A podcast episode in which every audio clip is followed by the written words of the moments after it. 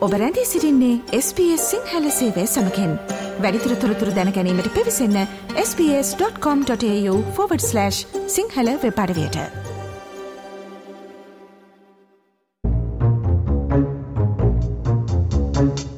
ශීත කාලය ඉවරවමින් වසන්ත කාලය වෙත ළඟාවී හිටියත් වික්ටෝරියාවේ ඇල්පයින් ප්‍රදේශවල කඳු මුදුන්වල තවමත් මුළුමනින්ම හිම දිය වෙලා නැහැ. මේ හිමෙන් වැසුණු කඳු මුදුන් වලට යන පාරවල් දෙපස ඇති ප්‍රදේශනම් මේ වෙනකොටත් මලින් බරවෙන්න පටන් අරන්. ඉතින් අද ඔස්ට්‍රේලියන් රූරල් බිට් චාරිකාවෙන් මං ඔබ අරගෙන යන්නේ වික්ටෝරයා ප්‍රාන්තයේ සුන්දර ඇල්පයින් ප්‍රදේශයකට.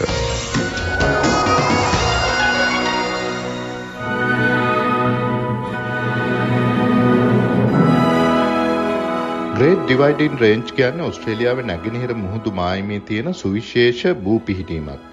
ක්වීන්සන්තයේ උතුරේ ඉඳන් New South Wales capital territory හරහා ගිහින් වික්ටෝරියාවේ ග්‍රැම්පියන් පැත්තෙන් කෙළවර වෙන මේ කඳු අලල්ල තමයි ලෝකේ එක රටක් තුල තියෙන දිගම කඳු පන්තිය.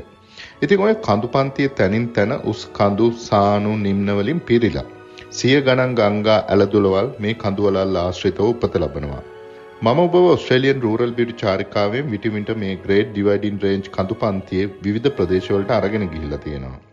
අද චාරිකාවෙනුත් අපි යන්නේ වික්ටෝරියාවේ ඒ කඳු පාමුල පිහිටි සුන්දර නගරයකට. ඒ තමයි මයිටල් ෆෝඩ්.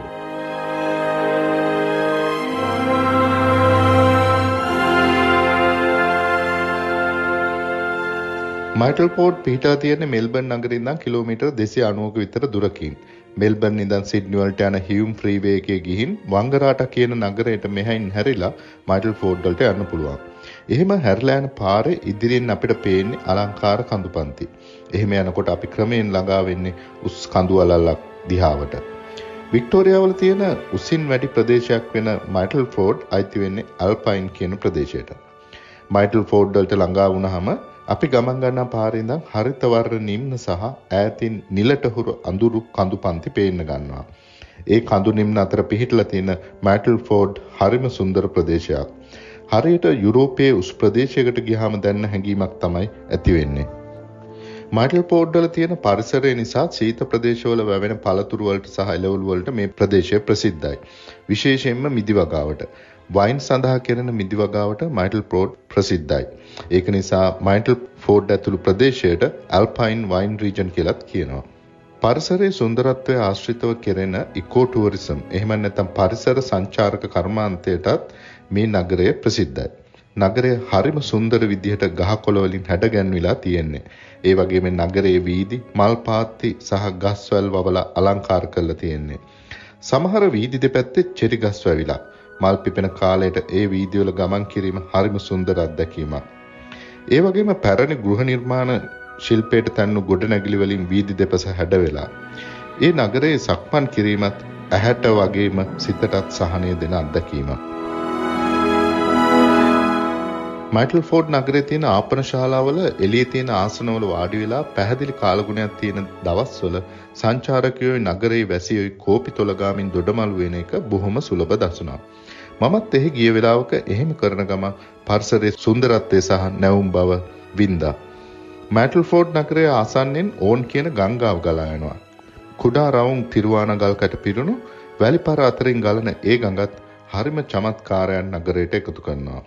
ඒ ගඟට උඩින් දාලා තියෙන පාලමෙන් එහා පැත්තට පැනලා මිදිවතු අතරින් වැටලා තියෙන සක්මන් මාර්ගවල පරිසරයේ සුන්දරත්වය විඳිමින් ගමන් කරන එක ආස්වාදනීය අත්දැකීමක්. එහෙම සක්මන් මාර්ග වල ගමන් කරන එක එහෙම නැත්නම් හයිකින් මයිටල් ෆෝඩ් වලට එන සංචාරකයන්ගේත් ජනප්‍රියතම විනෝදාංශයක්. මයිටල් ෆෝඩ් වලට පැය භාගයක පැයක විතර දුරින් පිහිටලා තියෙනවා මවුන්ට් බෆලෝ කියලා තනිකරම කළු ගලෙම්ම වගේ හැදුණු කන්දක්. ඒකට මවුන්ට් බෆලෝ කියලා කියන්නේ ඒක ඈත ඉඳන් බැලුවහම ඉසිඹුලන මීහරකුගේ හැඩයට පිහිටලා තියෙන නිසා. ওই මවුන්ට් බෆලෝ කන්දට යන ගමන වංගු සහිත පාරක කඳු ගැටේ වටේ යන්න ඕනේ. හැබැයි ඒකේ උඩට ගිහින් තියෙන නැරඹුම් ස්ථානවලදී පහළ නිම්නේ දිහා බැලුවාම පේන්නේ ඊටාම අපූර්ව භූමි දර්ශනයක්. සමහර වෙලාවට මීදුමෙන් වැහිලා තිබ්බත් ඉර පායන වෙලාවට ඈතින් නිල් පාටට පේන කඳුපන්ති වලට මෙහායින් පෙන්න හරිත වර්ණ දර්ශනය කීප සැරයක් බැලුවත් ඇති නොවන එකක්. ඒ පර්වතයේ එක පැත්තක ඊටාම ගැඹුරු හෙලක් තියෙනවා. එතන ඉඳන් පහළ බලන්න නැරඹුම් අට්ටාලයක් හදලා ඒකේ කොනේ හරියටම හෙලට ඉහලින් අට්ටාලේ පොළොවට වීදුරු දාලා තියෙන්නේ.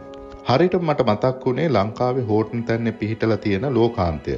ඒත් අපේ ලංකාවේ ලෝකාන්තයේ නැරඹුම් අට්ටාලයට වඩා ආරක්ෂිතව ඒ වගේම වීදුරුව තුලින් හොඳින් පහළ බලන්න පුළුවන් විදිහට එතන හදලා තියෙනවා. ඒක දැක්කහම මට හිතුනේ අපි උපන් රටේ පරිසර සංචාරක කර්මාන්තය මොනතරම් නොදිනු මට්ටමකද තියෙන්නේ කියලා. මවුන්ට් බෆලෝ වල මුදුන මුහුදු මට්ටමේ ඉඳන් මීටර 1723ක් ඉහළින් තියෙන්නේ. ශීත ඍතුවේදී මේ කන්දේ සමහර ප්‍රදේශවලට සෑහෙන්න හිම වැටෙනවා. යුරෝපියන් එන්න කලින් මේ ප්‍රදේශයේ ඉන්න ඇබොරිජින් ජාතිකයන් මේ කන්දට එන්න පුරුදු වෙලා හිටියා. ඒ මේ කන්ද උඩ ඉන්න රැහැයු විශේෂයක් අල්ලන් ආහාරයට ගන්න. අද මේ කඳු භූමිය උඩ නවාතැන් ගන්න පුළුවන් අපූරු නවාතැන් පොලකුත් තියෙනවා. මවුන්් බෆලෝ වලට යන පාරේ තියෙන තවත් ආකර්ශනීය ස්ථානයක් තමයි ලේක් කැටානි කියන ජලාශය. මවුන්් බෆලෝ ජාතික වනෝද්‍යානයේ කඳු අතර තියෙන මේ ජලාශය හරිම චමත්කාර ජනක දර්ශනයක්. හැබැයි මේක ස්වභාවික වැවක් නෙවෙයි. 1910 දී කඳු අතර ඉදිකරපු බැම්මකින් ඇතිකරපු ජලාශයක්. මේ ජලාශයට ජලය එක්රැස් වෙන්නේ පොළොව යටින් ගලන ගඟකින් කියලා තමයි කියන්නේ. හැබැයි මේක ඉදිකරපු වැවක් වුණත් අලංකාර බවින් නම් අඩුවක් නැහැ. පවුලේ අය සමග පැය කීපයක් ගත කරන්න ගමන් වෙහෙස නිවා ගන්න අපූර්ව තැනක් තමයි මේ ජලාශය.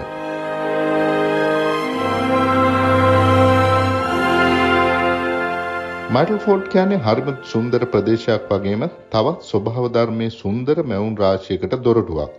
ඒ වගේම සීතල දේශගුණයක් අවුරුදු බොහෝ කාලයක් තියෙන ප්‍රදේශයක්.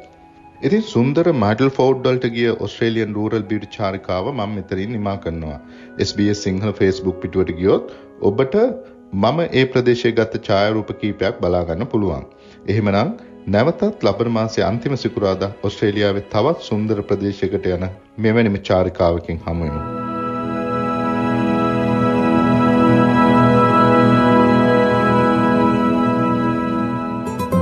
ඔබ SBS සිංහල ගුවන්විතලිය සමගින්.